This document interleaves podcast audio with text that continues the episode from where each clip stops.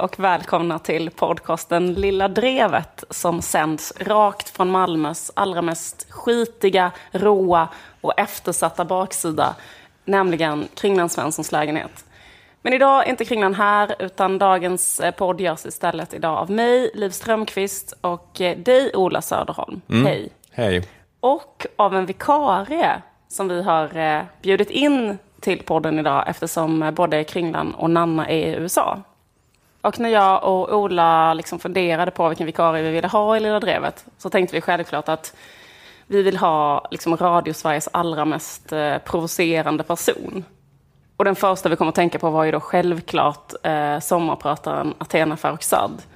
Som det. ju liksom slog rekord i somras eh, för programmet Sommar i P1 i antalet anmälningar som någonsin har gjorts mot det programmet. Hon fick ju över 70 anmälningar då för att hon, eh, som lyssnarna, vissa arga lyssnare uppfattade då, att hon uppmanade eh, i radio till en då väpnad kommunistisk revolution. Mm, just det. Eh, Men när jag googlade lite på det här så såg jag att 70 anmälningar eh, inte var någonting mot de 125 anmälningar som Granskningsnämnden fick in när en annan profil i Sveriges Radio i sändning frågade sig varför diabetiker, citat, måste vara så satans jobbiga hela tiden, slutcitat.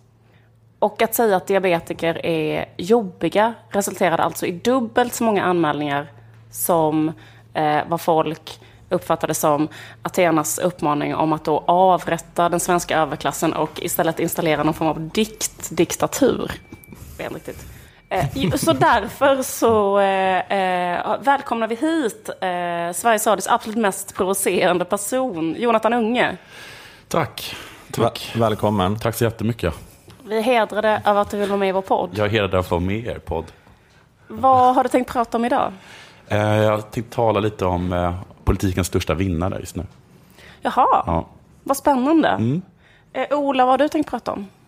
Jag tänkte prata lite om det här med ministerskandalerna. När det blir nya ministrar så gräver de fram att allt de har gjort, alla skelett i garderoben. Den obligatoriska ministerskandalen. Ja, Mm, du, du strypte en katt våren 88. Ja, det är ingen, det är ingen typiskt exempel. Nej. Fortkörning då. Precis. Tv-avgiften oftast va?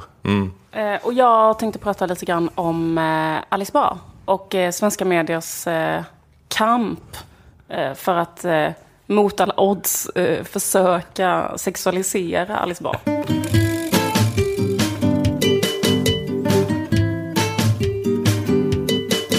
Ja, det är de här ministerskandalerna nu. Mm. Eh, Det har inte varit så många va?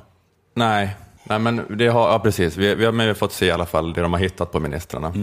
Vi får se människor som försöker se allvarliga ut när de säger att de ångrar djupt att de testat cannabis en gång när de var 19. Jag ångrar det djupt. Jag kan inte nog understryka hur mycket jag vill låtsas be om ursäkt till alla som låtsas vara upprörda. Men jag kunde åka tillbaka i tiden och inte dra det halsblåset. Hade jag gjort det. Jag drog såklart inte ett halsblås, jag kände ingenting. Jag visste, Precis. Om jag hade kunnat åka tillbaka i tiden hade jag dragit ett halsblås. Men det går inte. Nej. Så därför ångrar jag djupt Men det är en- att jag bara skickade vidare den. För det var det Alice Bah sa nu, att det, var, det, är någon, det är en sån grej, det är alla, det är så krav för att kunna bli toppolitiker, att man någon gång har misslyckats med att testa hasch. att man inte, I didn't inhale, det sa väl George W. Bush också. Ja, precis. Det, det är konstigt, det aldrig blir någon följdfråga på den där, har du rökt hasch? Och så säger de ja, och bara hur var det? Alltså vad, man, man, man undrar hur de, hur upplevde du det? Fast Men Alice Bah säger- sa det nu, att Hon jag, eller, Jag känner- hon, jag kände ingenting. Hon kände ingenting, ja. Det är precis som Men är det Bodström va? bättre att liksom ha testat hasch och inte känna någonting? Eh, är det på något sätt, gör det en mer... Det är liksom något som bevisar att man är tålig på något sätt. Man är hård, att Ja. man passar för ett tufft jobb. Fast det är väl Att man inte är egentligen... lättpåverkad. Ja, precis. För egentligen är det så bara att man inte, man inte har tekniken. Att Nej. det är lite som, som du säger, att man helt enkelt är lite inkompetent. Man vet liksom inte hur man gör. För det är inte den här grejen, så här, jag drog tre linor men jag kände ingenting. Det har man aldrig hört om kokain eller ecstasy. Jag gjorde något fel. Jag trodde det var stolpiller. Det var det inte. Så är det aldrig liksom. Men jag skulle vilja säga att man inte har testat hasch om man inte känner någonting. Eller? Nej, precis. Det är så, de, de säger det helt i onödan. Alltså. Ja. Det är bara någon så här, de vill verka pyttelite farliga. Ja, de, lju- de ljuger om att de har testat uh, hasch. Jag har haft mina läppar mot en cigarett, men jag har inte dragit in rök. Men eh, Jag var i samma rum som en australisk backpacker en gång. Och jag tycker också att det är konstigt eh, att de man testar hasch, för det måste under tiden varit, varit lite nyfiken på det. Och sen så misslyckas man, men att man inte prövar en gång till. Att det känns att man är lite av en eh, quitter. ja, just det. Att Att det man, borde tala emot henne som politiker. Ja. Att hon liksom misslyckas och sen inte hoppar upp på hästen utan bara lägger av efter det. Precis, lägger fram ett lagförslag, det röstas inte igenom.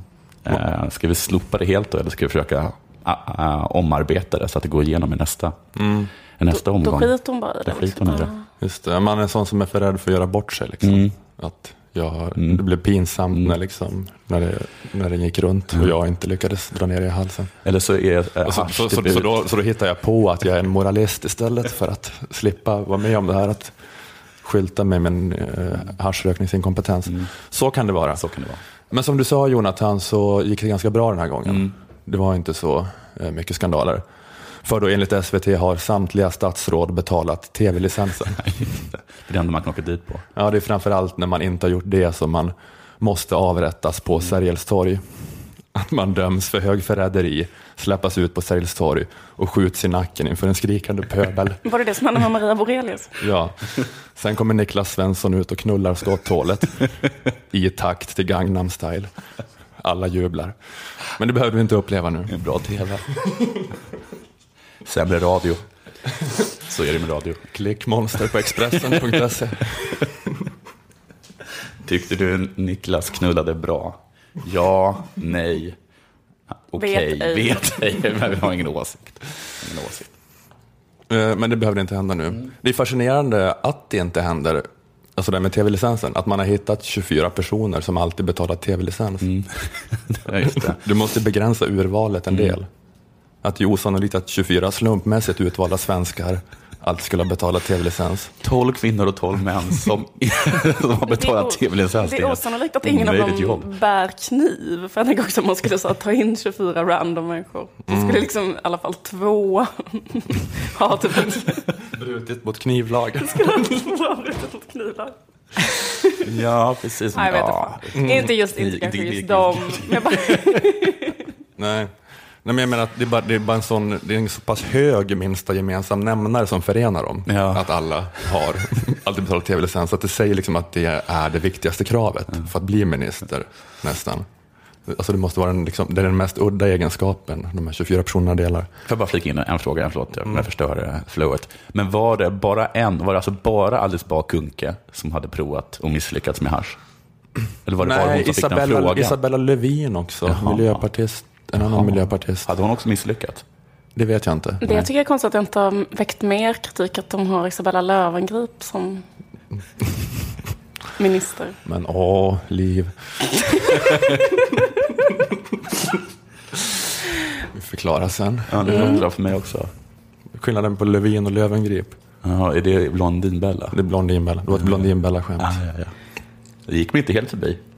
Men jo, men skandalerna om vänsterpolitiker och miljöpartistpolitiker, som, de som de brukar utsättas för, det är ju ofta det här, äh, där fick vi er, ni är emot det här samhället, men trots det befinner ni er i det här samhället. Ja. Känner ni till det? Ja, Ja. bostadsrätt. Ja, så kan det vara. Att ni, ni är emot det här systemet, så ni måste liksom sluta andas i det här systemet. Aftonbladet gjorde en artikel för typ en månad sedan om rot och rutande vänsterpartister. Det var alltså en, skandalartikel om att vänsterpartister betalar skatt enligt eh, rådande skattelagstiftning. Eh, och, det har ju varit sånt här drev nu då mot nya miljöministern Åsa Romson. Jag vet inte om ni har sett det. Det har avslöjats. Ja. Båtfärg. men- Just det, grund, just det. Mm. Hon målar sin båt med en giftig färg. Bottenfärg, eller det? Mm. Hon förgiftar Östersjön med sin båt, om ni förstår vad jag menar. Va? Jag förstår ungefär vad du menar. Jag förstår inte riktigt, men jag förstår nog att jag är upphetsad av det.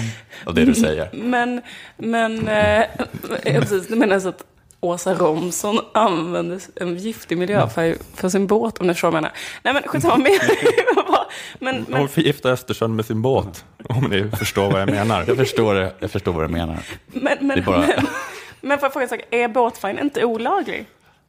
Nej. Jo. Är det en olaglig båtfärg hon använt? Ja, eller fast det var någon som, den blev, den Den kan, blev den kan ha inhandlats innan den blev olaglig. Ja, det är som djungelolja.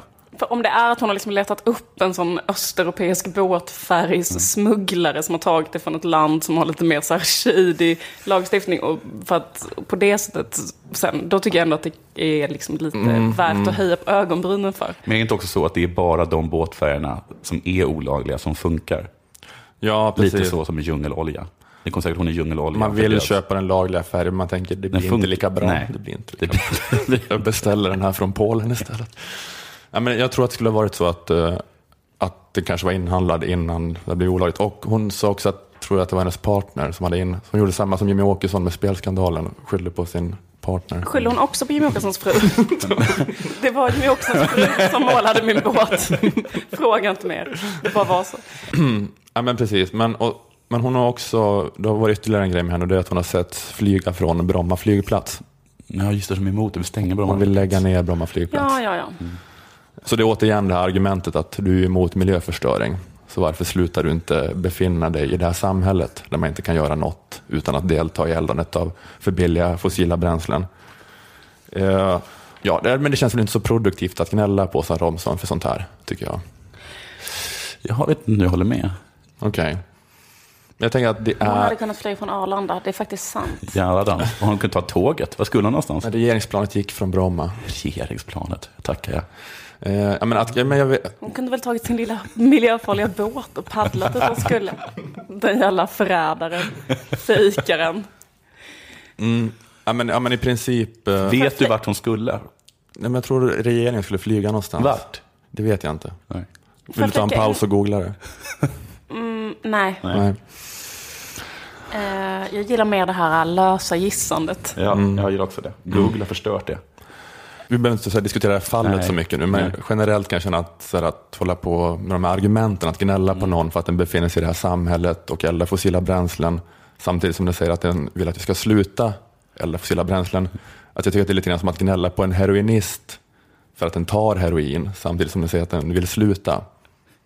Att det är någon sån, att så här, vår kultur ska Ja. ju sluta med sitt he- heroin. Vi ska liksom vänja oss av vid att aldrig någonsin igen få ha det så jävla skönt som vi hade under den här elda fossila bränslen-parentesen i historien. Menar du att det är lika skönt att flyga från Bromma flygplats som det är att ta heroin? Ja, fast alltså, ja, det är en metafor. Men eh, så är det ju för vår kultur, att vår kultur kommer vara som en sån ex-heroinist där varje dag är en kamp. Att vi kommer hålla på med så här maratonlöpning för att döva sinnena. Men vi kommer alltid sakna den där kicken med Bromma flygplats och så vidare.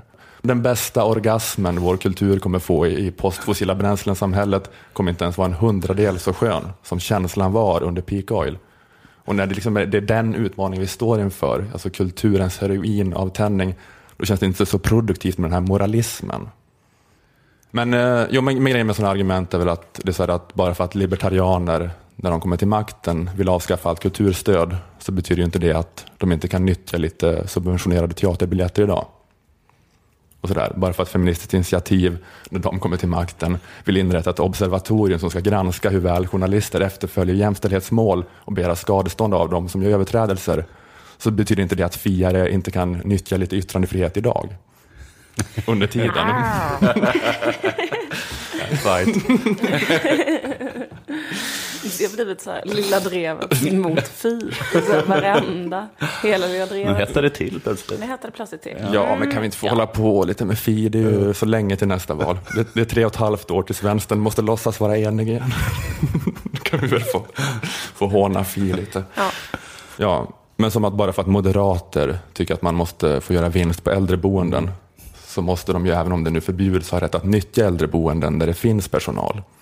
Alltså de får ju ta det, även om de är ideologiskt emot tillräckligt med personal. Även om man drömmer om en värld där farmor fick vårdas av en mer slimmad organisation, då är man ju ändå tvungen att ta verkligheten som den är här och nu. Och det är samma med Åsa Romson och Bromma flygplats, tänker jag. Ja, men precis, det är det som är kärnan med de här argumenten, att du som drömmer om en annan värld, hur har du mage att leva i den här världen? Vad har du att säga till ditt försvar, din jävla hycklare? ja, det är det, den poängen. Jag är väldigt omständligt och alldeles för länge dunkat in här. Vi har förstått, vi Vi, ni, ni har förstått det här, ni har förstått det för jätte, jättelänge sedan. Ja, jag tar, till den, jag tar den till mig. Eh, Motvilligt. men jag tänkte att man kanske borde invertera de här skandalerna.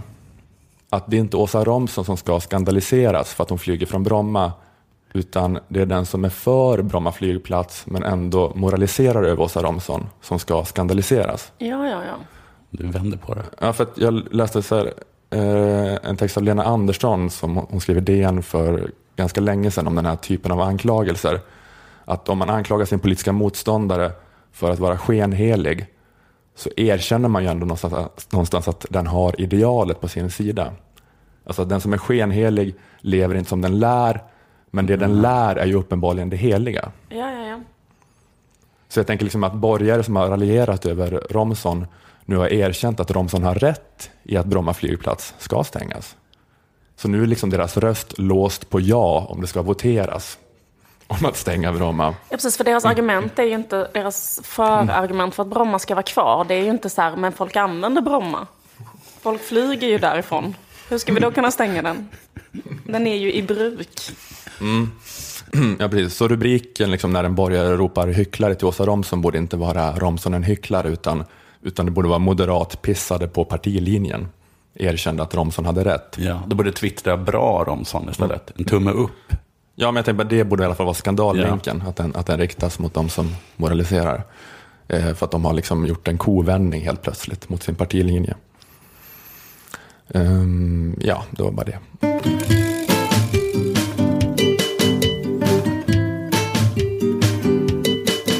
Det har ju varit en massor av eh, åsikter, tankar, känslor. Eh, det har puttrat i känslogrytan hela, hela veckan kring eh, Alice Bah, Ja, eh, den nya kulturministern i Sverige. Men eh, det som jag reagerade mot lite grann i medias bevakning av detta, det är liksom att hela detta året tycker jag ändå att om det är en fråga som verkligen liksom har varit uppe på bordet och uppe till debatt, så är det ju eh, afrofobi, eller hur? Och, och liksom den vidhängande så här, sexualiseringen av svarta kvinnor. Är inte det någonting som liksom de senaste månaderna ändå flera gånger har kommit upp? Afrofobirapporten kom, eh, raskortet, jätteuppmärksamma dokumentär.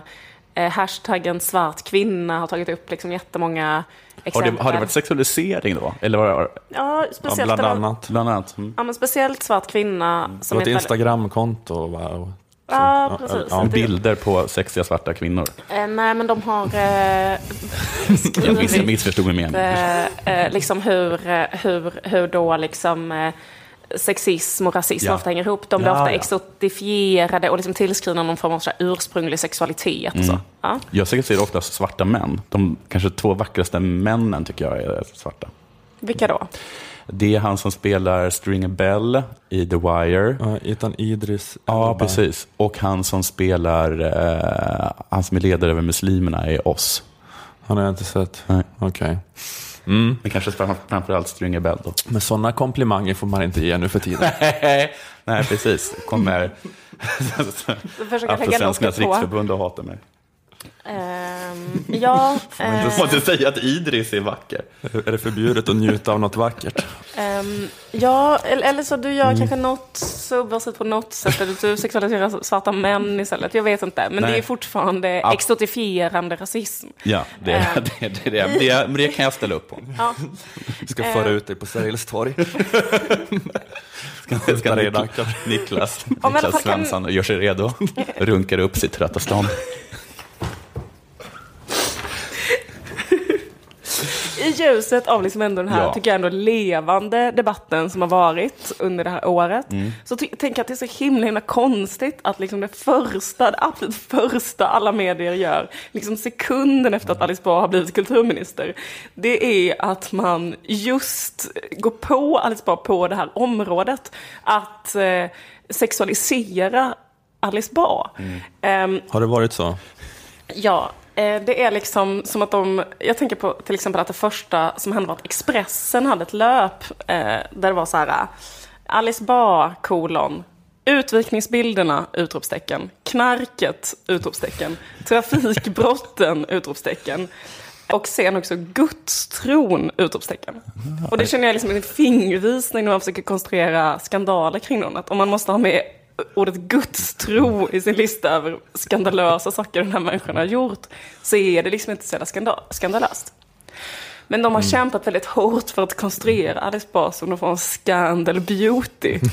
Men, men sen är det väl i och för sig också så att det som förmodligen eh, skapar mest så här lite jobbig känsla i magen kring Alice Bah av de där tre är ju gudstron hos de flesta svenskar. Ja. Alltså rent faktiskt. Ja, absolut. Det är det som känns lite, åh, Förutom, ja, jag men- men förutom Anders kunnat- Borg, det kändes, där, hans tyck- känns som att folk tyckte var lite mysig. Vad alla andra som han hatat, vad, vad, vad hette hon som var den här, vad hette den ministern som, blev, som kom in från kylan, och alla, Ja, nya arbetsmarknadsministern, vad heter hon för någonting? Eh, vad fan heter hon? Ja, hon som kom för något år sedan. Ja. Hon, hon var typ, var med i någon hon var med i- kyrka. Ja, precis. Just det. Ja, just- var just- emot just det. eh, Mm. abort. och sånt. Hon har varit med i Livets Ord. Men det är inte den vinkeln man har haft, för det hade ju varit en, en eh, liksom, rimlig så här eh, inblandning. Elisabeth Svantesson. Men man hade lika gärna kunnat ta så här, hjälp, är det en ny Elisabeth Svantesson eller något sånt där. Men nu tycker jag istället att medierapporteringen har försökt, att det är liksom den här stämningen, att man istället försöker eh, trissa upp, piska upp någon slags stämning att, att eh, Stefan Löfven har valt Nicki Minaj till eh, kulturminister. Och eh, risken finns att hon kommer att så här, eh, förvandla riksdagen till något sånt eh, twerkande horhus. Det är den skandalen man vill få igång.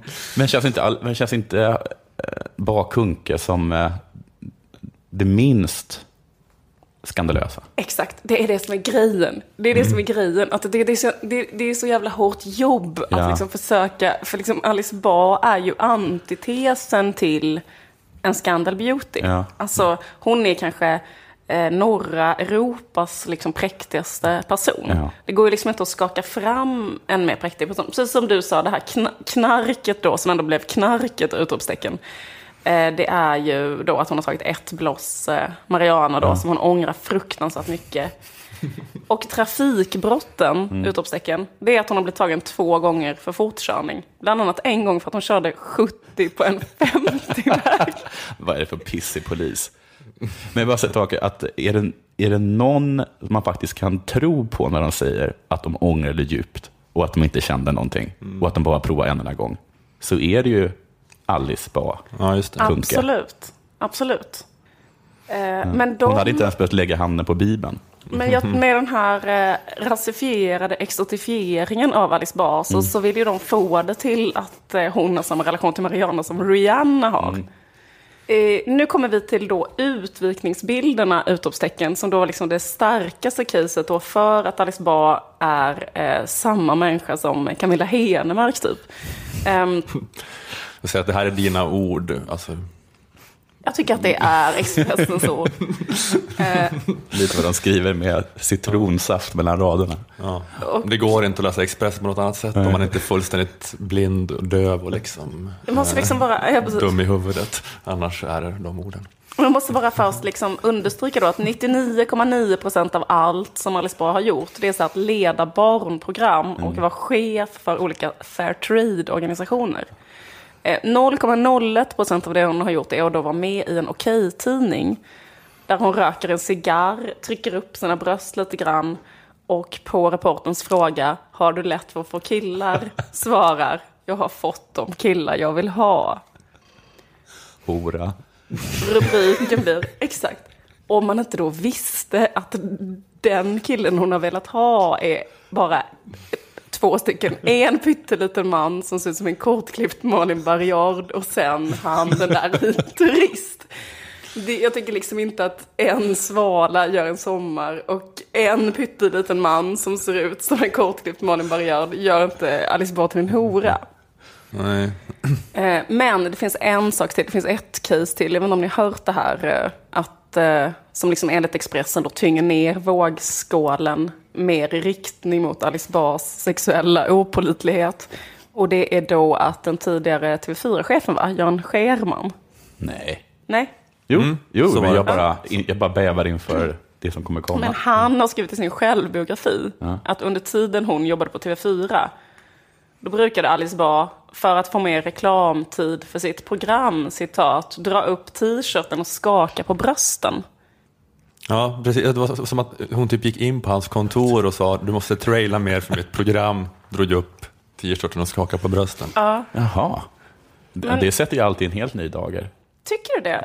Det gör, men... Nej, men jag tänkte så här, när jag hörde det så kände jag så här, det här ta- talar nästan mer för Alice Bahs liksom, sexuella renhet. För jag tycker det här talar för att man har liksom en fullkomligt asexuell... Det här är ju ett barns relation till sin kropp.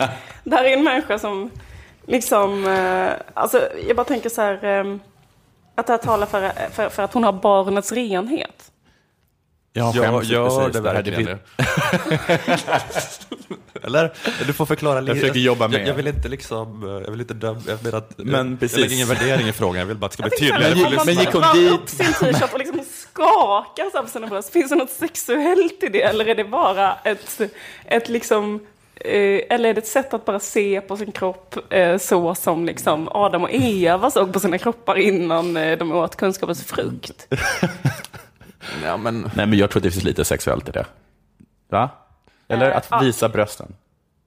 Men det är just det där med att, äh, att, de, att de tokskakar dem så att det blir liksom blir det. Blir liksom lite, jag Ja. vet inte, jag tycker det känns liksom som att, att det vittnar om någon form av o- oskuldsfullhet.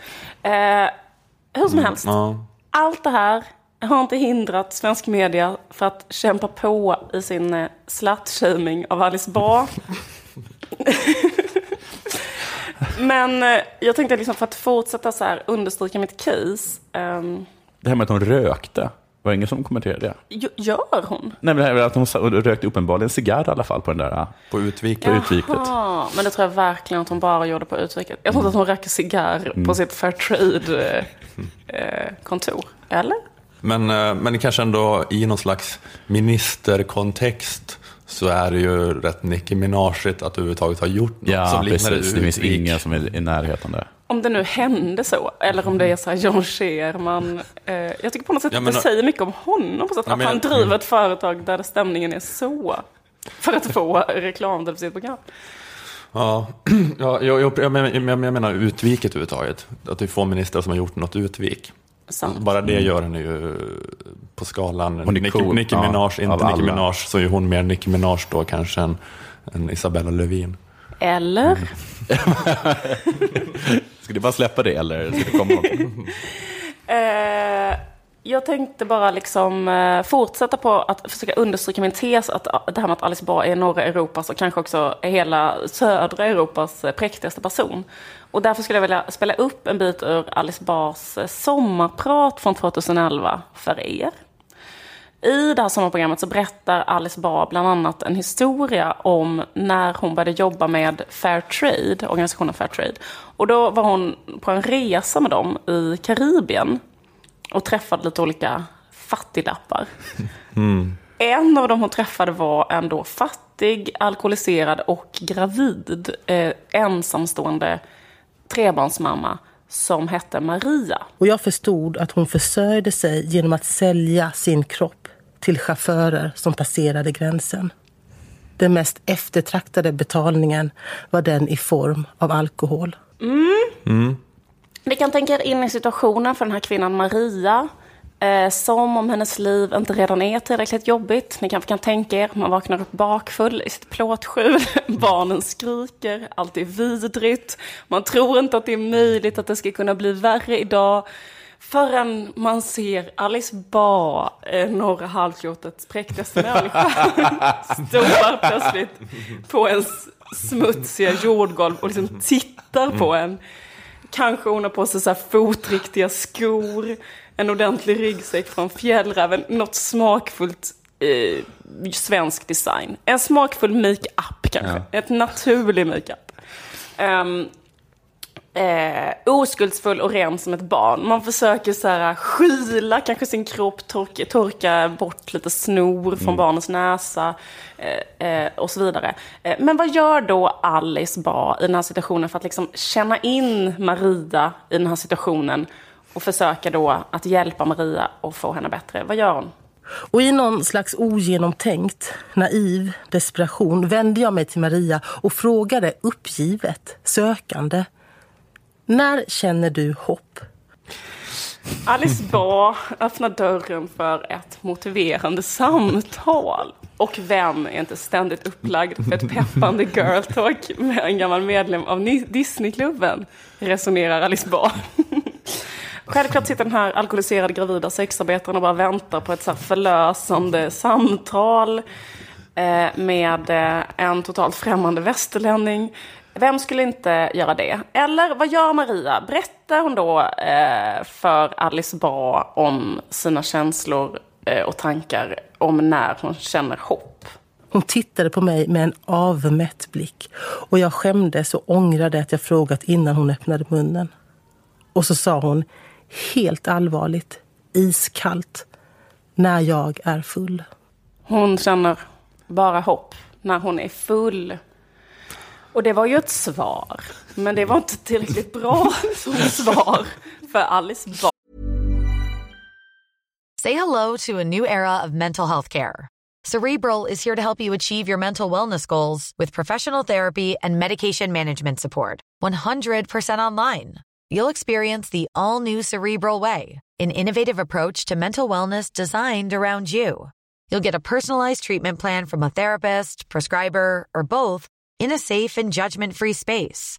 Your cerebral therapist or prescriber will outline a customized plan with clear milestones along the way so you can get to feeling your best. With Cerebral, you're not alone in your mental health journey. We're here to empower you to live a fulfilling life. So take that first step towards a brighter future and sign up today at cerebral.com slash podcast and use code ACasts to get 15% off your first month. Offer only valid on monthly plans. Other exclusions may apply. Offer ends July 31st, 2024. See site for details. Ja, Alice eh, känner att hon inte är nöjd med det här svaret utan hon får bara total panik. Det blir för mycket för henne. Hon måste lämna plåtskjulet och liksom tillfälligt ta skydd bakom Marias lilla bostad. Och så ställde jag mig där, tog av mig ryggsäcken, förde den mot mitt ansikte och skrek in i den så dovt jag kunde samtidigt som jag tryckte den hårt, hårt mot min mun. ja. Ja, precis. Eh, Den här eh, Maria trodde kanske först inte att hennes dag kunde bli värre än att Alice Bah kom dit. Men det kunde bli värre för att Alice Bah kunde också eh, få ett sånt Börje Ahlstedt-inspirerat sammanbrott. Ta martyrrollen från den här gravida alkoholisten. Få oerhört starka- känslor och var tvungen att att, att, att helt balla ur i Marias eh, trädgård, om man ska säga. Ehm, Varför måste du vara så här krass när du beskriver din livssituation för? Tänk på mina känslor. Eh, det vi alla undrar är, efter eh, att skrika i ryggsäcken, vad gör Alice egentligen härnäst? Och jag vände mig till Gud. Där var han alldeles bredvid. Jag utgår från att det är han. Ja. Ehm, Eller, eller där står hon eh, bakom skjulet med Maria bredvid och så, så liksom vänder sig alldeles bara upp mot himlen med händerna uppsträckta. men Maria är nog inne i plåtskjulet. Maria är inne, gudskelov.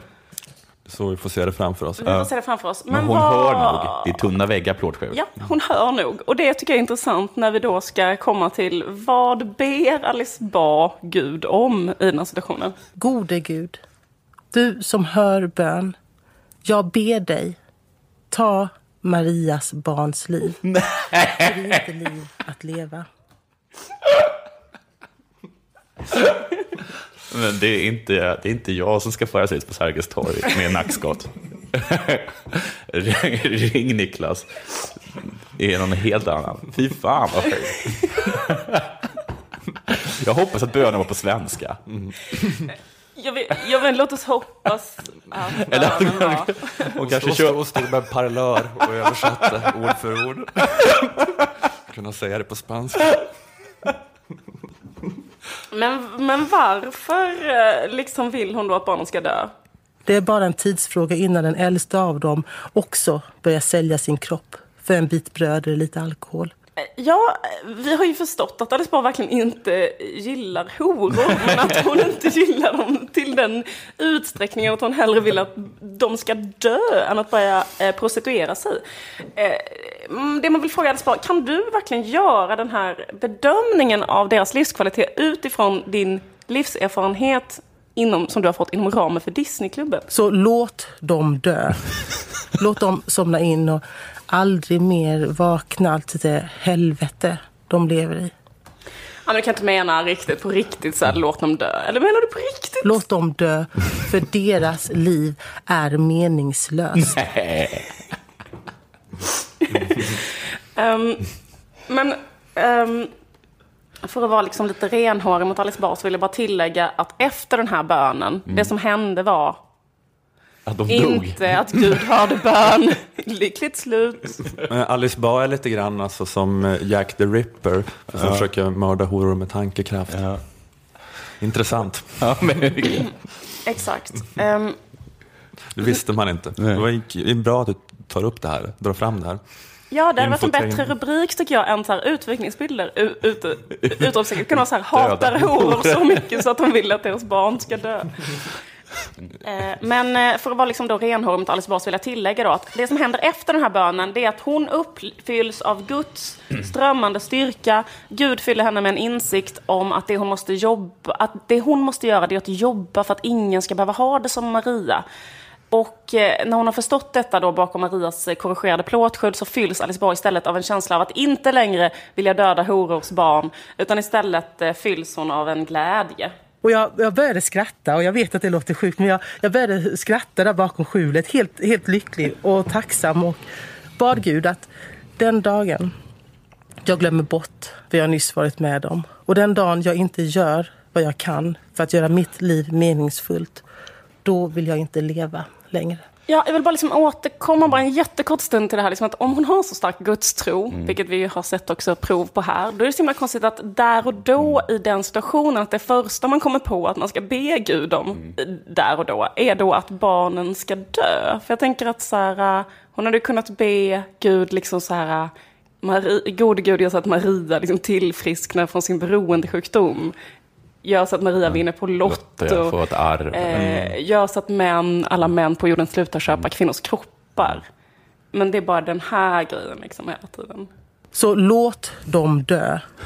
Låt dem somna in och aldrig mer vakna till det helvete de lever i. Hon kan ju önska så här, allt ska vara gjort av godis, typ enhörningar ska komma och jag vet inte vad. Och Inte som att hon är väldigt empatisk men hon har liksom dålig fantasi på något sätt. Hon kan bara kanalisera, väldigt kana- empatisk? kanalisera empati i att Men bara så en, en kort sammanfattning av Marias dag. Alltså vaknar bakis, eh, får Alice Bahs ansikte i trutet, eh, ställ, får en fråga, svarar ärligt på frågan. Alice Bah går tillbaks, gråter och skriker. Man hör sen genom skjulet hur hon på spanska ber att ens barn ska dö. Någonting händer. Alice Bah börjar skratta hysteriskt. Och det här är, och klockan är bara tio. Vad ska hända under resten av dagen, tänker Maria. Jag stannar i sängen.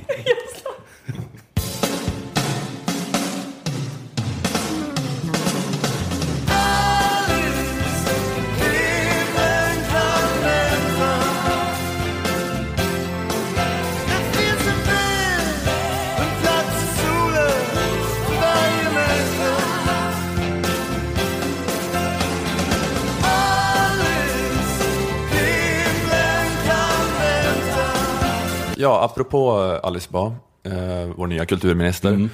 Så du nämnde det Liv, att ett av hennes stora gig eh, tidigare är att ha varit generalsekreterare för eh, Fairtrade, rättvisemärkt. Eh, och rättvisemärkt är ju en produktmärkning av främst livsmedel. Och en matvara får märkningen om den har framställts med schyssta arbetsvillkor. Det var rättvisesmärkt och fair trade, det är samma sak. Ja. Ja. Till exempel ska arbetarna ha haft rätt till den lagstadgade minimilönen. Så rättvisemärkta varor skryter alltså om att man framställt under schyssta arbetsvillkor. Eller kanske inte schyssta, men i alla fall inte kriminellt eh, dåliga arbetsvillkor. Man känner ju här då kanske lite att rättvisemärkt mat vill ha ära för något som bara borde vara en självklarhet. Att om rättvisemärkt hade varit en bok hade den varit Vi som aldrig sa hora. Ja, ja, ja. Mm. Just det.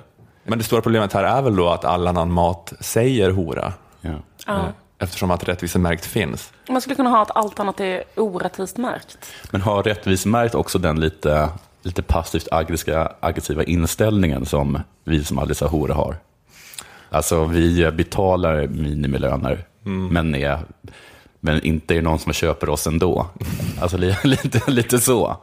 Är det, det- är det, har, har de den inställningen? Alltså, det kanske inte du kan svara på. Nej, jag vet faktiskt inte. Men det låter... Att det finns något passivt aggressivt när man tar upp den där Fairtrade-kaffet. Ja, du menar som att... är, man märker att den är arg. Som är vi som aldrig sa hora, att man liksom hjälper- sa ju aldrig håller, upp, hora. håller upp håret för en tjej som spyr, Ja. sen så vill hon ändå inte Nej. bli ihop med en. Sen. Nej.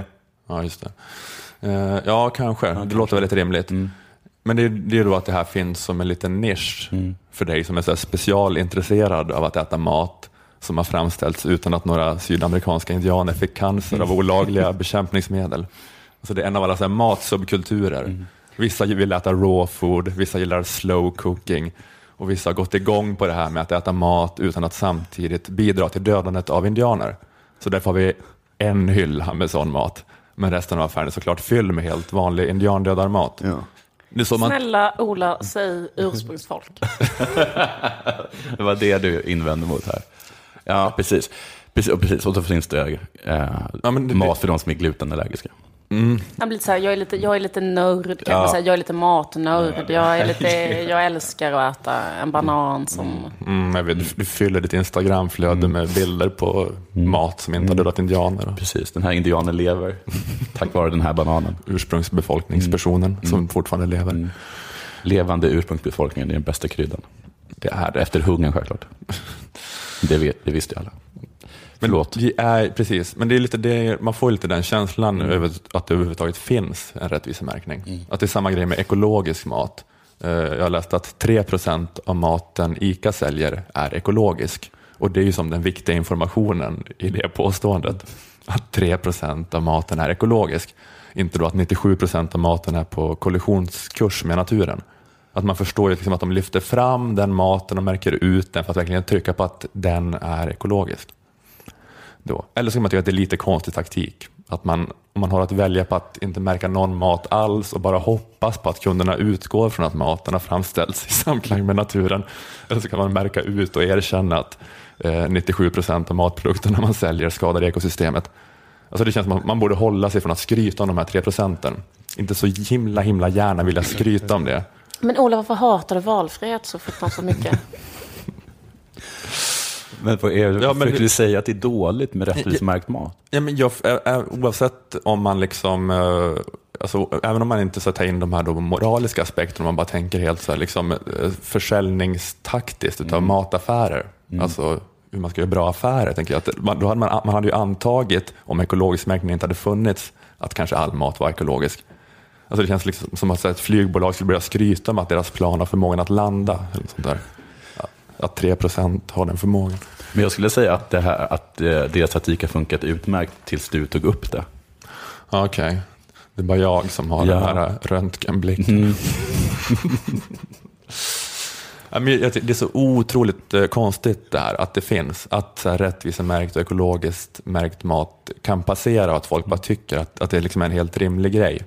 Eller det känns som att det är något så övertydligt bevis nästan på det här med hur omöjligt det är att, att se utanför en så här rådande diskurs eller ideologi. Liksom för att, att alltså, märka ut i affären att typ all mat är oekologisk och orättvis. Det är som att i mataffären står svart på vitt. Det här funkar inte. Det funkar inte. Vi har absolut ingen kontroll över exploateringen och klimatavtrycken som de globala kapitalflödena orsakar. Det går inte. Det är som att systemet skriker Ja. eh, helt åt oss. Det går Men det, inte. men det går ju verkligen inte. Jag vet, jag vet var, när var det? Var det för ett halvår sedan de bestämde att vi under tre månader eller någonting kanske skulle dra ner på att äta räkor? Mm. Och, och det gick inte. Man kunde inte motstå. Men, men det var för gott. de sa vi, vi, kan, vi, vi, ska, vi måste förbjuda det här med räkor. Mm. Inte för all framtid, utan för en, under en tidsperiod. Men eh, då bestämde sig alla för att eh, det går inte. Nej. Och om det är så att eh, man har den här känslan att vi ska, vi ska stoppa eh, liksom klimatföreningar så att vi inte kommer över i alla fall 2 procent, vad var det, två, Två graders graders, uppvärmning. för två graders upphöjning. Men om det är så att vi inte ens kan avstå från, från räktoast eller räkcocktail under en tvåårsperiod, säg, Nej. då vet vi att det kommer inte gå. Nej, precis. Men det är också just ja, att det känner, säger någonting om liksom den inneboende styrkan i systemet. Att Mm. Ja. den inte ens behöver liksom knappt hymla med sin skadlighet. Och att, den, att den skriver det rakt ut i mataffären. Hur mycket vi fuckar upp. Men att det är, så här, ja, det är en helt orimlig tanke att det liksom skulle kunna... Men jag tror, alltså jag tror verkligen absolut inte att det är så att folk skulle liksom inte kunna äta vissa saker vissa säsonger och så. Jag tror verkligen tvärtom. Det finns väl ingenting som skapar så mycket lycka som så här säsongsmat. Det finns ingenting som alla människor kan enas som är så jävla härligt som så här, nu kommer svenska jordgubbar eller nu är det pepparkakor. Det är väl liksom så himla konstigt så här, det som, man skulle lika gärna kunna ta så här, tomater äter man bara eh, liksom under några månader när de finns i Ja. Sydeuropa eller någonstans nära. Men är det inte bara svenska krögare som har den inställningen? Att det är Att härligt, att det är med härligt med säsongsmat. Sitter du och mumsar pepparkakor i maj och eh, får ett raseriutbrott om det inte finns i ICA?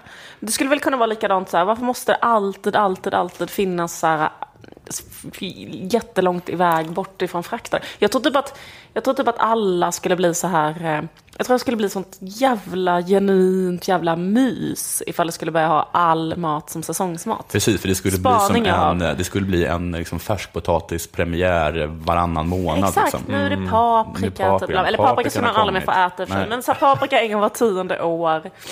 Jag tror, jag tror det skulle bli så som man, jag kommer ihåg när jag var liten och läste så här Lilla huset på prärien och en gång får de en apelsin i julklapp.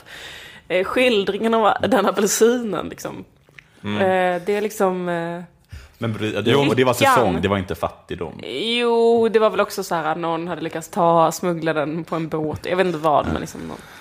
Jo, jo men det, är säkert, det stämmer säkert att folk skulle kunna vänja sig vid något annat. Men att det här bara att det säger någonting om hur mycket man har vant sig vid det här. Att man är så liksom indoktrinerad i det här att man inte ens kan reagera på att eh, det står rakt, ja jag vet inte, ja, men det är som så här Bagdad Bob, för att ta en sl- supersliten liknelse, att man ser framför sig liksom sådär, hur det, att det är ohållbart, men det, liksom, det går inte att tänka något annat än att det här systemet är det enda liksom, när, man, när man väl är inne i det. Men såklart kan man ju vänja sig vid något annat, säkert.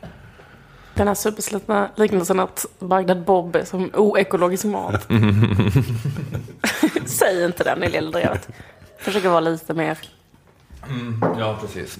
Vi kan inte säga det i varje avsnitt. Men jag tror bara så att det, när det kommer till det att vi ska erkänna att vi är, att vi liksom är, vi är människor. Och det, är det, är det inte det som vi alltid har klappat oss på axeln på, att vi är så bra på att anpassa oss. Alltså vi är inte bra på att, eh, att se lavinen komma och flytta på oss. Men sen när lavinen har dödat nästan alla av oss, så är vi ganska bra på att bygga nya hus ovanpå lavinen. Alltså vi är inte så bra för att förhindra katastrofer, Nej. men vi är bra på, på att anpassa oss till dem. Ja, just det. Precis. Så vi borde snarare vara så här, ja det kommer att höjas med 4 procent. Fyra grader. 4 grader. Förlåt. Eh, Men vi kommer fixa det ändå. Mm. Kanske inte alla av oss, Nej, precis. men de som överlever kommer... Ja, just det. för Det spelar ingen roll fint. hur så här övertydliga tecken vi får. Nej, det liksom, spelar ingen roll. Vi kan inte. Vi kan bara anpassa oss. Vi kan inte Åsa Romson förhindra. har ju sin lilla båt. Ja, hon... Hon har ju redan börjat. Om ni förstår vad jag Preparera. menar. Hon har, hon, har, hon har preparerat sin båt, om ni förstår vad jag menar. Tror ni förstår vad jag menar? Jag förstår vad du menar. Åsa Romson har ju sin lilla båt om ni förstår vad jag menar. Och förbereder sig. Blink, blink, Mm. blink, blink.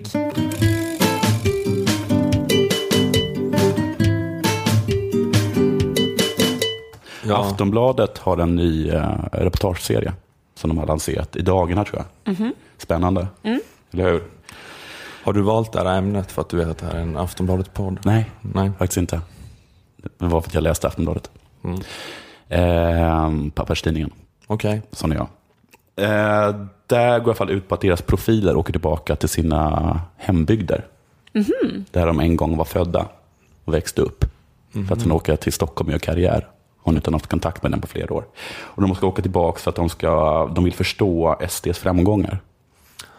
Så det är inte det också säger någonting om deras profiler, att de inte har några utomeuropeiska profiler. Nej, nej, precis. Eh, och De med- åker inte tillbaka till sin hemby i eh, Somalia, nej, utan de åker tillbaka till, de eh, åker tillbaka till Vetlanda, antar jag. ja, eller till så här, S- Skurträsk. Bjärred. Ja, Bjärred, ja. Men de har de sett eh, på Facebook att någon de gick högstadiet med röstar på SD eller sånt där? Ja, jag gissar det. Jag gissar också att det verkar som att de alla kommer från bygder där SD har gått fram väldigt, väldigt mycket. Det kan inte bara vara så att de kommer upp till rikssnittet, utan jag gissar att de, att de är, att de är över, över snittet. Med profiler så är det självklart eh, Peter Kadhammar. Ah, okej. Det står profiler, men jag har bara sett hans ansikte. Det är alltid honom de skickar ut. USA, Botkyrka, Israel, Palestina. Han, han är alltid på väg, på väg någonstans att förstå. Så Peter, Peter Kadhammar åker till sin hembygd i Sverige. Ja, Vilken är det? det vet jag inte. Det är Vet så du inte viktigt. det? Ah, okej. Peter Kadhammar, Kadis, Okej. Kaddan, Hamman. Det är alltid Hammarn som åker ut. Fler smeknamn. där. Ni vet vad han heter.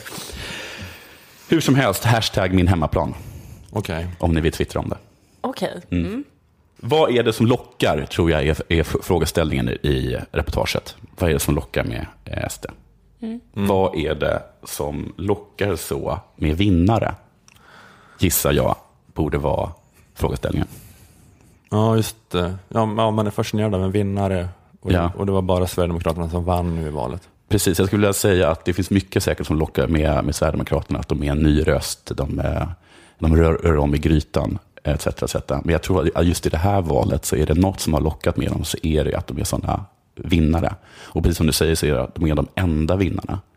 Det är kanske lite lätt att säga så här efter valet när man såg på eh, liksom, den här loser-kavalkaden som, som, eh, som själva liksom valvakan var.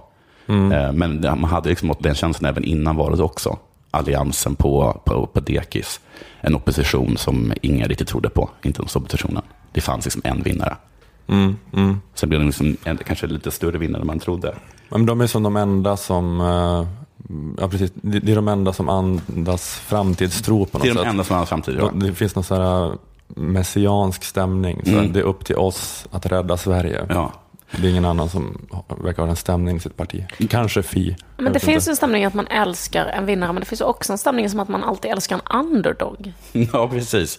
Men kan Det det, är bara att det, vara... fin- ja, precis, att det, men det är lite grejen att de, de är de, har, haft, de har det både, både och. Ja. Så de har, de har kakan och kvar och samtidigt som de äter den. Ja, men jag undrar om det kan vara samma funktion som det, eller samma grej som det som i, gam, äh, i dokusåpor förr i tiden, om ni kommer ihåg. Så var det alltid då? med en, det var liksom alltid så här, eh, typ ett gäng hippa eh, människor. Ja. Och sen var det alltid en så här, lite tjock, knäpp, rultig, eh, eh, you name it, människa, kvinna kanske med en konstig dialekt som kanske blev alldeles för full och så här. Och det fanns liksom en trend alltid när det var lyssnare som, eller tittare som skulle rösta, så röstade de alltid, alltid, alltid fram den personen. Jag vet inte om du kommer ihåg flera det är alltså underdogen, losern. Ja, underdogen. Typ mycket så en, en, en, en lantis som inte förstod koderna och var så charmig, Ja. inte lika snygg som de andra, kanske var utanför gruppen. Liksom, och den kom alltid, och jag undrar om det kan vara det som nu svenska folket liksom gör om fast med SD. Ja. Så SD för dem är den här lite utmobbade, Det är det, man, Eh, det, man, liksom ger dem en, man ger dem en revansch på något sätt. Man, ja, man man, så, här, man blir liksom lite så att man vill ta hand om dem liksom. jag kan Det, bara men det är tala, som i Let's Dance är det också att det alltid är en eh, att Peppe Peppe, Peppe Eng. Eng-grejen. Ja. Att en eh, gubbe som är jättedålig. Man ser så att de är så dåliga på politik. När man ser dem så ser man så här, man blir så här, nej, de är så dåliga och roliga på politik. Men jag Eh, tror Som lite- Peppe Eng är på samba. Eh, Jag älskar att se det på tv för det får mig att skratta och får mig att må bra. Och jag identifierar mig. Och Ja. vad skön Björn Söder är när han försöker göra politik. Ja, exakt. Men jag tror inte det, jag tror möjligtvis att det var så förr, men just nu känns det bara att de känns att man gillar dem för att de faktiskt är rena eh, vinnare på något sätt. Eftersom förr var de liksom lite, lite larviga, jag, kan- jag kommer komma till det, men, men nu är de liksom, nu är det faktiskt de som är, som är vinnarna. Och de, jag vet inte om ni har varit vinnare någon gång, men det är en, det är en otroligt skön, eh, skön känsla. Liksom. Och det, jag kan verkligen vara avundsjuk på Sverigedemokraterna. Att få ha den här eh, känslan, att liksom vakna upp varenda morgon och känna de där 13 procenten i, eh, i ryggen. Vilken känsla för dig i ditt liv är det du tänker på liksom, när du förstår hur de känner. Jag har läst mig till det. Okej. Och, Det är eh, mycket teori och lite praktik när det gäller vinnande för dig. jag har sett en hel del på film. Ja, du har haft så febriga drömmar hemma på pojkrummet Ja. om att Men jag, jag gissar på sätt att det är att man unnar sig saker. Att allt känns så självklart. Du går och en vinnare, en vinnare går och beställer en riktigt stor eh, biff, biffstek på restaurangen. Man har medvind Man har till medvind. biff i restaurangen. Mm, man, har- tar, eh, man tänker inte på om man ska ta chiliben eller ben. Man tar både och. När servitören kommer med såsnipan så säger man app, app, app. Den kan stanna här. Lite så. Man har en efterrättsmage. Man har 13 procent. Bananasplit hitåt säger man. Ja, precis. Och just också, jag tror att den här känslan av att man, eh, man, har, man unnar sig efterrätten. För man skäms inte över sin kropp längre. Det här är en vinnarkropp liksom. Ja. Jag tror- Ni vill alla ha den här kroppen. 13 13 procent. Jag vet inte, jag tror, ja, precis, jag tror att det, att det måste vara så oerhört skönt. Och jag tror också att det kommer mär, jag tror att just den här eh, stämningen, att den här, den här nya, liksom, nya självförtroendet märks i riksdagen också. Jag vet inte om det, när de började i riksdagen där för, förra året, de, så började de ganska taffligt. Det var töntigt, de hade folk direkt på sig. De gick därifrån för att de var kränkta över eh, biskopen. Eh, De var lite löjliga, liksom. alltså lite som töntiga nya killen som är lite rädd, ingen umgås med dem. Men nu så finns det någonting, jag tror att det är någonting helt, helt annorlunda nu. Jag tror att de går liksom rakryggade, jag tror de hörs mycket när de går i riksdagen. Fast eh, Björn Söder hade också folkdräkt. Den här Han- gången Den här också. gången också. Ja, men, men jag vet inte om det såg, man tyckte man kunde se Jimmys ögon att, han, att det var lite som eh, när ens mamma hade klätt på den fåniga kläder, att man skämdes lite. Nu har, liksom, nu har de klätt sig själva. Eh, Okej. de, de skäms inte Nej, över sig. Mm, mm. De gillar det liksom. Men det är bara liksom hur, hur, hur, liksom det, hur, hur taget. Jag kan tänka mig att om det finns, jag vet inte om de har muffinskorgar på, på riksdagen. Men om de har det så är blåbärsmuffinsarna slut. För SD har tagit dem.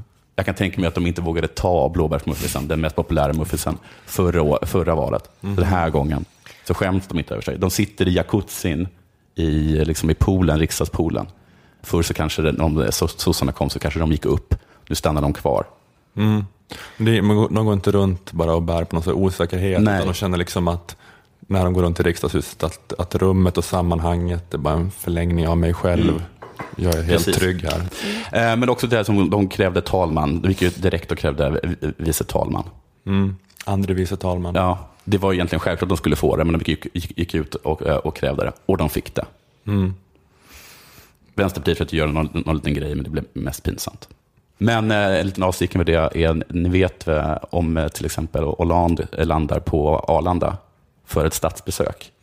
Så kommer, om Urban Ahlin är sjuk, den första personen han träffar vara kung Carl Gustaf. Den andra personen kommer vara Björn Söder. Och den tredje kommer vara Stefan Löfven. Men, men, men måste inte två personer vara sjuka? För Moderaterna har väl en första vice talman också? Okej då, han är också sjuk. Han är också sjuk. Ja. Ja, just det. Det är en tung, tung början på ett Sverigebesök tycker jag. Ja, Om då det första du träffar är kungen, Björn Söder och Stefan Löfven. Den ena punchigare än den andra. Jag hade vänt på klacken. Tagit flygplanet tillbaka. är det det här? Ja. ja. Det här, mm. Men de vann det. Eh, De röstade emot Stefan Löfven, vilket de sa de skulle göra. Eh, De, vad heter det, vann, eh, de, de har gjort den här nya uppgörelsen nu här, alltså, om, eh, om vinster i välfärden. Den kommer antagligen gå igenom för att SD kommer rösta för den. Så där har de liksom eh, vunnit eh, kampen om att, eh, att, eh, att eh, oppositionen, eller liksom att regeringen inte vill bli stö- stödda av SD. Det kommer de nu, nu att bli. ja, de sitter liksom på reell makt. Ja. De sitter där och är Gud. vad säger. Min sista eh, eh, eh, grej här är om SD är mest en liten fråga. Jag undrar hur de kommer att göra med, med, med budgeten. Hur de kommer att ställa sig. För de är vinnare nu, det vet vi att, att de är. Men jag undrar vilken sorts vinnare de kommer vara. Kommer de vara den här liksom lite städade vinnaren eh, som kan spela enligt liksom, eh, de parlamentariska reglerna eh, och, och, och liksom framstå som det partiet som de alltid det här liksom, eh, det här stabila, ordentliga partiet? Eller kommer de bli rebellerna och, och rösta emot? Är det inte så att SD, om de vill, ändå har möjlighet att provocera fram ett nyval? Jo, Jo. Och men det är det jag undrar, kommer de göra det? Ja, För att det, ja, Är, precis, är men, de stökiga vinnare eller, eller, eller de visar sig vara ordentliga vinnare? eh, men, men då är det så här, är det för, eh, är det för otaktiskt av dem att tvinga fram ett nyval? Att då kommer liksom väljarna bli arga på dem? Ja, precis. Jag tänker på att, de- att de, inte, att de, att de liksom framstår som, eh, som de galningar som man har liksom, som Carl Bildt möjligtvis skulle kunna, att de, man kan liksom inte samarbeta med dem för att de kan inte spela enligt de parlamentariska reglerna. Liksom. Mm. Det är den här konsensusen att man inte fäller. Ja, men det är, att liksom, det är så jävla mycket orka på att så här, göra, genomleva ny jävla valrörelse nu. Alltså det, känn, det, det är ju ingen orkar ju det. Nej, så det vore Ska dumt. valet liksom hålla på att vara som Melodifestivalen? Typ, att det bara pågår så här, varje vecka. Ska det vara så här ny, konstig... Ska det vara olika grejer. Det orkar man inte. Det, det blir för mycket. Jag känner spontant att jag absolut inte skulle orka igen nu och höra valpropaganda från olika partier. Skulle ni känna er peppade på det? Alltså, jag skulle, nej, det blir lite kul om det kommer, om ni bara får vara med om det för en gångs skull. Det har inte hänt på så otroligt, otroligt länge. Mm, jag tycker också, varför inte? Liksom. Det är väl lika bra. Så ni liksom är för... Det avslutas detta nu med att ni två liksom propagerade för att SD skulle fälla budgeten. Men jag vet inte, men det är så jävla svårt nu. Och man, man tappar livslusten så himla mycket när man tänker på eh, riksdagen nu. Det är så jävla opeppigt liksom. Det är ju helt Det känns som- osannolikt hur, hur tråkigt det känns. Ja, men också att det, man känner inte, att- jag känner inte ett enda förslag som kommer gå igenom. Från något håll. Nej. Men kommer det bli så då att man märker att riksdagen inte behövs överhuvudtaget? Alltså att vi kommer, som medborgare kommer inte märka någon som helst skillnad? Att vi har så fruktansvärt starkt, vet det här, våra byråkrater kommer sköta allting ändå. Ja, men jag kommer ihåg så hur det var när jag började jobba på P3. Så fanns det en chef, en lit, liten mellanchef där. Och sen när jag hade jobbat där i några månader så slutade han. Och då blev inte han ersatt. Och då fortsatte vi jobba exakt som vanligt. Och så bara pågick det i två år eller sådär. Sen helt plötsligt var det så här, nu ska den här tjänsten tillsättas. Men det var ju ingen som hade märkt att han var där eller vad han gjorde. Eller, alltså sådär. Att jag tänker att det kanske skulle kunna bli en sån upplevelse. Att man Ja. är så här, de, de, liksom det är så här, kan de, nej de kunde inte göra gymnasieskolan obligatorisk. Ooh, hur ska jag leva? Jag känner mig så rädd. Alltså, förstår ni vad jag menar? Som Det kan- att regeringen är precis som vilken statligt anställd mellanchef som helst. Alltså. Ja, ja precis. Ja, men, men, men, EU slash något annat tar väl hand om sådana stora, stora, eller? Nu kommer vi, kommer vi hamna i i- i så här, det som hände med USA, att budgetstoppet gjorde att plötsligt så funkar ingenting. Men jag har känslan av att allting kommer rulla på ändå. Eller du har i alla fall en känsla av att det kommer rulla på ändå. det, I Belgien har de haft det här läget har jag hört. Ja, så att precis. de hade ett år utan att de kunde bilda regering. Ja, och, Och Somalia, har. Somalia också har gått hur bra som helst. det har fan inte gått väldigt mycket värre. Nej, ja, det, ja, det vet jag inte. Men, nej, men precis, det har inte utbrutit någon slags inbördeskrig i Belgien i alla fall. Det Det, här är blev inte så att folk har börjat plundra Nej. och mörda. De har ju sånt stabilt kungahus, det kanske gick där. Ja, men exakt. Men jag tillhör de, de människorna som tror att det som hindrar folk från att plundra och mörda är inte en majoritetsregering. Alltså, det är liksom något annat. Eh, ja. Ehm, det är liksom inte som att alla sitter bara och väntar på att få plundra och mörda. Att Ola, att du skulle gå ut och plundra och mörda eh, det första som hände om det inte fanns någon regering. Det är svårt att se det. Jag vet, ja. Äntligen ett tillfälle att plundra och mörda. Som jag har väntat. Det enda som har hindrat mig har varit att det skulle kunna finnas en laglig påföljd. A- Annars skulle jag ju så gärna döda barn hela dagarna. Ja, men det kan väl vara lite så att shit, Stefan Löfven får inte in den här ökande progressiviteten i rotavdraget som han vill ha på inkomster över 60 000. Vad spelar då något för roll? Jag springer till Mediamarkt och bara kastar liksom en, något genom rutan. Tar, all, tar allt jag kommer över. Det osäkra parlamentariska läget gör mig galen.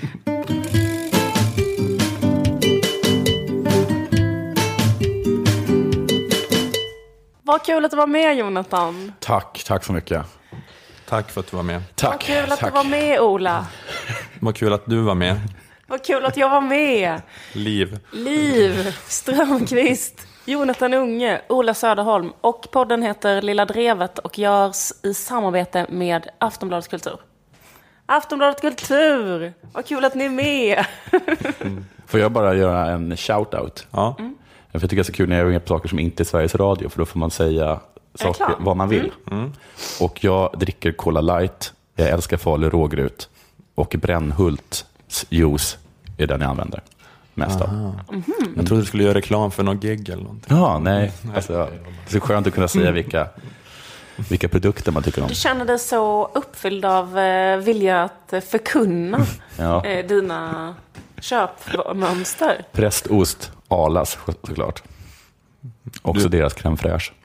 Men du tycker väl att västerbottensost är godare? Ja, det är Så det är lite för dyrt. ja. Jag tycker det är värt det. Ehm, mm. Eh, tack för det här. Tack. Hashtag lilla drevet. Vi finns på Facebook. Vi hörs nästa vecka.